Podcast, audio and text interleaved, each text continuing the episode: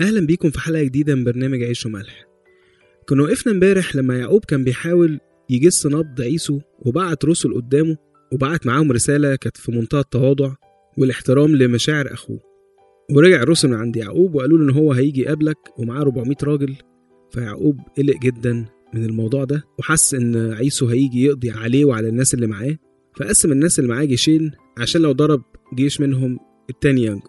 عمل إيه بقى يعقوب بعد كده؟ تكوين 32 عدد 9 وقال يعقوب يا إله أبي إبراهيم وإله أبي إسحاق الرب الذي قال لي ارجع إلى أرضك وإلى عشيرتك فأحسن إليك صغير أنا عن جميع ألطافك وجميع الأمانة التي صنعت إلى عبدك. فإني بعصاي عبرت هذا الأردن والآن قد صرت جيشين. نجني من يد أخي من يد عيسو لأني خائف منه أن يأتي ويضربني الأم مع البنين. وأنت قد قلت إني أحسن إليك وأجعل نسلك كرمل البحر الذي لا يعد للكثر.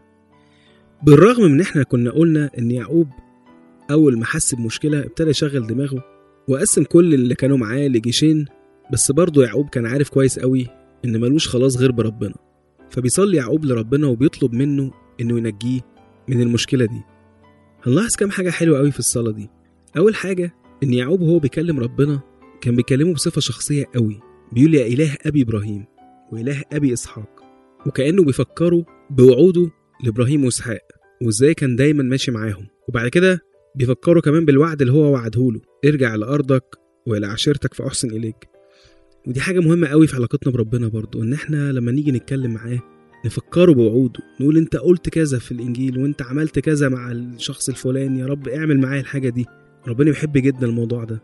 والموضوع ده مش هيتحقق ابدا غير لو إحنا حابين قوي وصايا ربنا وبندور عليها وبندور على كلامه وبنشوف وعوده للناس وبنشوف وعوده لينا ونحفظها جامد قوي جوه قلوبنا.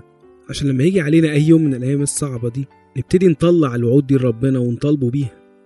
وبيكمل يعقوب الصلاة بمنتهى التواضع ويقول إن أنا قد إيه أنا ما استاهلش كل ال- الخير اللي أنت عملته معايا وأنا رحت اللبان معيش غير عصايا وراجع معايا أهو جيشين.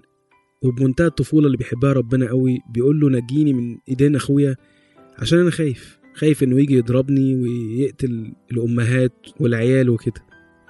على فكرة كون إن يعقوب يخاف كده ويقول لربنا إن هو خايف ده مش غلط ولا عدم إيمان يعني.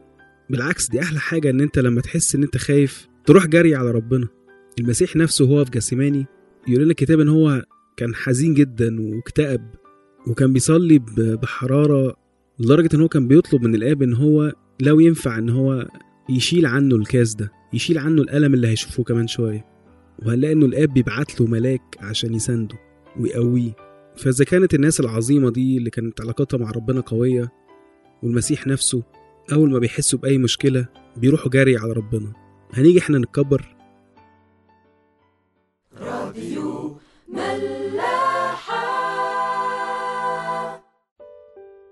بعد ما بيخلص صلاة يعقوب بقى مش بيقول خلاص ما هو ربنا هيتصرف فأنا مش هعمل حاجة. لا بيكمل في التواضع بتاعه وفي محاولة امتصاص أي غضب يكون عند عيسو وبيحضر له هدايا كتيرة قوي ويبعتها له. ودي حاجة حلوة قوي إنه برضه حتى لو إحنا متأكدين إن ربنا معانا في حاجة اوعى تتكبر وأوعى تعامل الناس بطريقة مختلفة. حتى لو ليك حق وحتى لو ربنا بيوعدك إنه هيديلك حقك. بل بالعكس ده يخليك إن أنت تتواضع أكتر وتحب الناس أكتر وتكرمهم آخر كرم. في رسالة بولس الرسول لأهل روميا يقول لنا في صحاح 12 إن كان ممكنا فحسب طاقتكم سالموا جميع الناس. لا تنتقموا لأنفسكم أيها الأحباء بل أعطوا مكانا للغضب لأنه مكتوب لا النقم أنا أجازي يقول الرب فإن جاع عدوك فاطعمه وإن عطش فاسقه لأنك إن فعلت هذا تجمع جمر نار على رأسه. لا يغلبنك الشر بل اغلب الشر بالخير.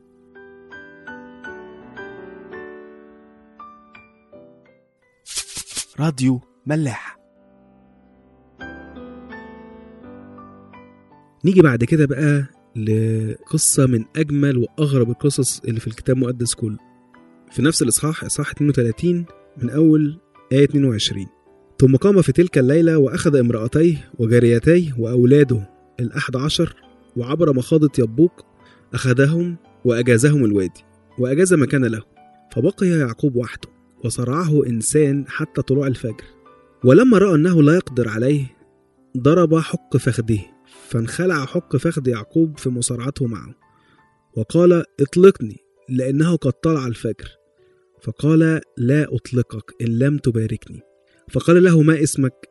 فقال يعقوب فقال لا يدعى اسمك فيما بعد يعقوب بل إسرائيل لأنك جاهدت مع الله والناس وقدرت وسأل يعقوب وقال أخبرني باسمك. فقال لماذا تسأل عن اسمي؟ وباركه هناك.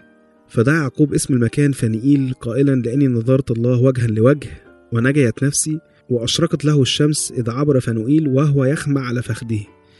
لذلك لا يأكل بنو إسرائيل عرق النسى الذي على حق الفخذ إلى هذا اليوم لأنه ضرب حق فخذ يعقوب على عرق النسى طبعا أنا مهما تأملت أو حاولت أتكلم في الحتة دي مش هقدر أبدا أوصف الجمال بتاع الحدث ده. يعقوب بعد ما بيبعت الهدايا وبيصلي مبيبقاش عنده حاجة يعملها مفيش حاجة في إيده بياخد مراتاته والجاريتين وولاده ال11 ويعديهم الوادي وبعدين بيختلي بقى لوحده. ويقول لنا الكتاب إن هو في خلال الخلوة دي بيشوف إنسان وبيتصارع معاه واضح إنه بيقعد معاه كتير قوي لأنه بيقول إن هو قعد لحد طلوع الفجر. ولما الإنسان ده بيحس إن هو مش قادر عليه بيقوم عامل له حركة كده فيقوم خالع له العظمة اللي هي ماسكة الفخذ. هو أنا مش دكتور فمش فاهم قوي ال- الموضوع ده حصل إزاي بس من من اللي أنا قريته كده إن الحتة دي صعب قوي إنها تنخلع. يعني ممكن نلاقي ناس كتير دراعها هيتخلع في حركة معينة إنما العظمة دي لا صعب قوي تتخلع. فاللي هو زي الإنسان ده بيثبته كده وبيفهمه إن هو إن هو جامد قوي وكان يقدر عليه من الأول بس هو سايبه يعني. وبعدين بيقول له جملة حلوة بيقول له اطلقني. سيبني عشان الفجر طلع. كفاية. فيعقوب يرد عليه يقول له لا مش هسيبك. مش هسيبك غير لما تباركني. ما هو فاهم إن الشخص ده مش شخص عادي. وفي الكتاب المقدس ما بيقولوش هو مين فعلا. بس هو من التفاسير يعني كلها إن هو غالبا ملاك أو رئيس ملائكة أو حتى ممكن يكون المسيح نفسه. المهم في الآخر إن واحد من عند ربنا. ومن سياق الحديث بعد كده إن هو بيباركه وبعدين بيسمي المكان فنئيل وبيقول إن أنا نظرت الله وجها لوجه ونجيت نفسي. فهو كأنه كان بيتصارع مع ربنا نفسه. فهنلاقي نفسنا بنسأل طب وإيه ده؟ هو إحنا ممكن نتصارع مع ربنا؟ وممكن فعلا نفضل نتصارع معاه لحد ما ناخد منه حاجة؟ وإزاي أصلا نقدر نتصارع مع ربنا؟ الموضوع ده ببساطة شديدة جدا. هنقوله بمثل صغير وبعدين هنلاقي أمثلة كتير في الإنجيل ليها علاقة بالموضوع ده.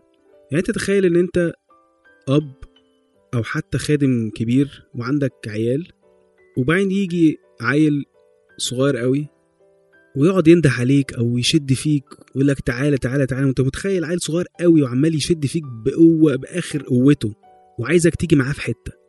فبتقوم في الآخر وبتمشي معاه تشوف هو عايز إيه. مش عشان هو أجمد منك بس عشان شفت قد إيه هو مصمم ونفسه إن أنت تيجي معاه الحتة دي. طبعا لو تخيلنا إن العيل ده بيعمل كده بعصبية أو بنرفزة أو بدلع زيادة عن اللزوم أو غلاسة يعني فيك أو حتى ممكن يقعد شوية كده وبعدين يسيبك لأنه هو أصلا ما كانش عايز منك حاجة هو كان بس بي... بيتدلع كده. هنقدر نفهم برضو ساعتها ليه ربنا بيبقى عايزنا نتصارع معاه وليه طلب مننا إن إحنا يكون عندنا لجاجه في الصلاة.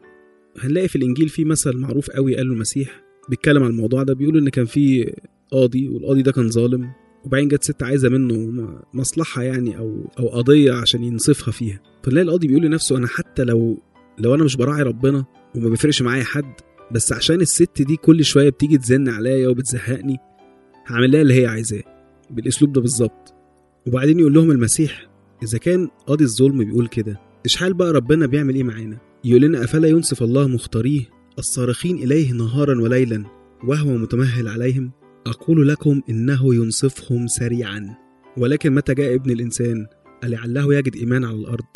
يعني هو مش بس الصراع والزن ده بيخلي ربنا يعمل لنا الحاجة لا ده بالعكس ده بيعملها وبسرعة.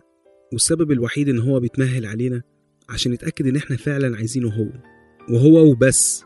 يعني ممكن يحصل معانا كتير إن إحنا نروح لربنا ونصلي من أجل حاجة قوي قوي ونبقى حاسين قد إيه إن إحنا صلاتنا فيها حرارة.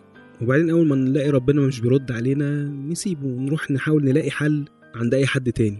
عشان كده لو رحت لربنا وطلبت منه حاجة أوعى تسيبه خليك وراه. زن قد ما تزن. ومش بس هيديلك الحاجة دي لا هيديها لك بسرعة. بس افتكر يوم ما تطلب من ربنا يبقى طلبك أوله ملكوت الله. إن الحاجة دي ما تفصلنيش عنك وآخره إنه فلتكن مشيئتك يا رب. وعشان يعقوب كان شاطر ودايما باصص على البركات الروحية ما طلبش أي طلب أرضي ولا حتى الحماية من أخوه عيسو. لا قال له مش هسيبك لحد ما تباركني. هو طول عمره كده باصص على البركة وعشان كده مش بس ربنا بيديله بركة ده بيديله حياة تانية خالص. بيقول له أنت من هنا ورايح مش هيبقى اسمك يعقوب هيبقى اسمك إسرائيل. عشان كده هنلاقي إنه أي حد بيترسم كاهن اسمه بيتغير. مش عشان اسمه القديم كان وحش ولا إن هو ما ينفعش يكون حد بالاسم ده مكرس لربنا بس عشان دايما يفتكر إنه حياته القديمة دي خلاص راحت. اللي جاي ده كله بتاع ربنا. وهنلاقي إنه مش بس غير له اسمه لا ده هنلاقي إنه كمان بسبب الضربة اللي خدها وخلعت له فخده إنه رجع بيعرج. يعني كمان ساب له علامة والعلامة دي كانت بألم. وعشان كده المسيح بيقول لنا إنه عشان نتبعه لازم نشيل صليب لازم نشيل ألم وزي ما اتكلمنا كذا مرة عن موضوع الألم وإن الحياة أصلا فيها ألم كتير إنما الألم بتاع ربنا بيبقى دايما عشان يخلينا أحسن عشان نتمجد. فبالتالي الواحد مش بس هيستحمل الألم بتاع ربنا وهو مش قادر لأ ده المفروض كمان يطلبه. يا رب ما تسمحش إني أتألم بسبب الخطايا بتاعتي أو بسبب العالم. إنما خلي أي ألم يجي من عندك. هنلاقي في رسالة بطرس الأولى صح أربعة آية واحد فإذ قد تألم المسيح لأجلنا بالجسد تسلحوا أنتم أيضا بهذه النية فإن من تألم في الجسد كف عن الخطية. لكي لا يعيش أيضا الزمان الباقي في الجسد لشهوات الناس بل لإرادة الله. وهو قال له خلاص يا يعقوب أنت طلبت البركة وأنا هديها لك. وبيرجع يعقوب وهو بيعرج. أي حد ما يعرفش القصة ممكن يعقوب يصعب عليه إن هو دخل في خناقة واتضرب ورجع مصاب. إنما أكيد لو سألنا يعقوب نفسه عن الإصابة دي هيضحك ويقول لنا لا ده كان أحلى يوم في حياتي. وفعلا بيسمي المكان ده في نقيل يقول لأني نظرت الله وجها لوجه ونجيت نفسي.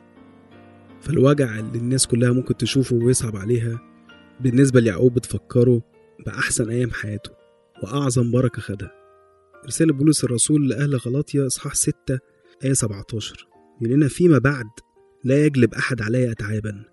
لأني حامل في جسدي سمات الرب يسوع. نشوفكم بكرة.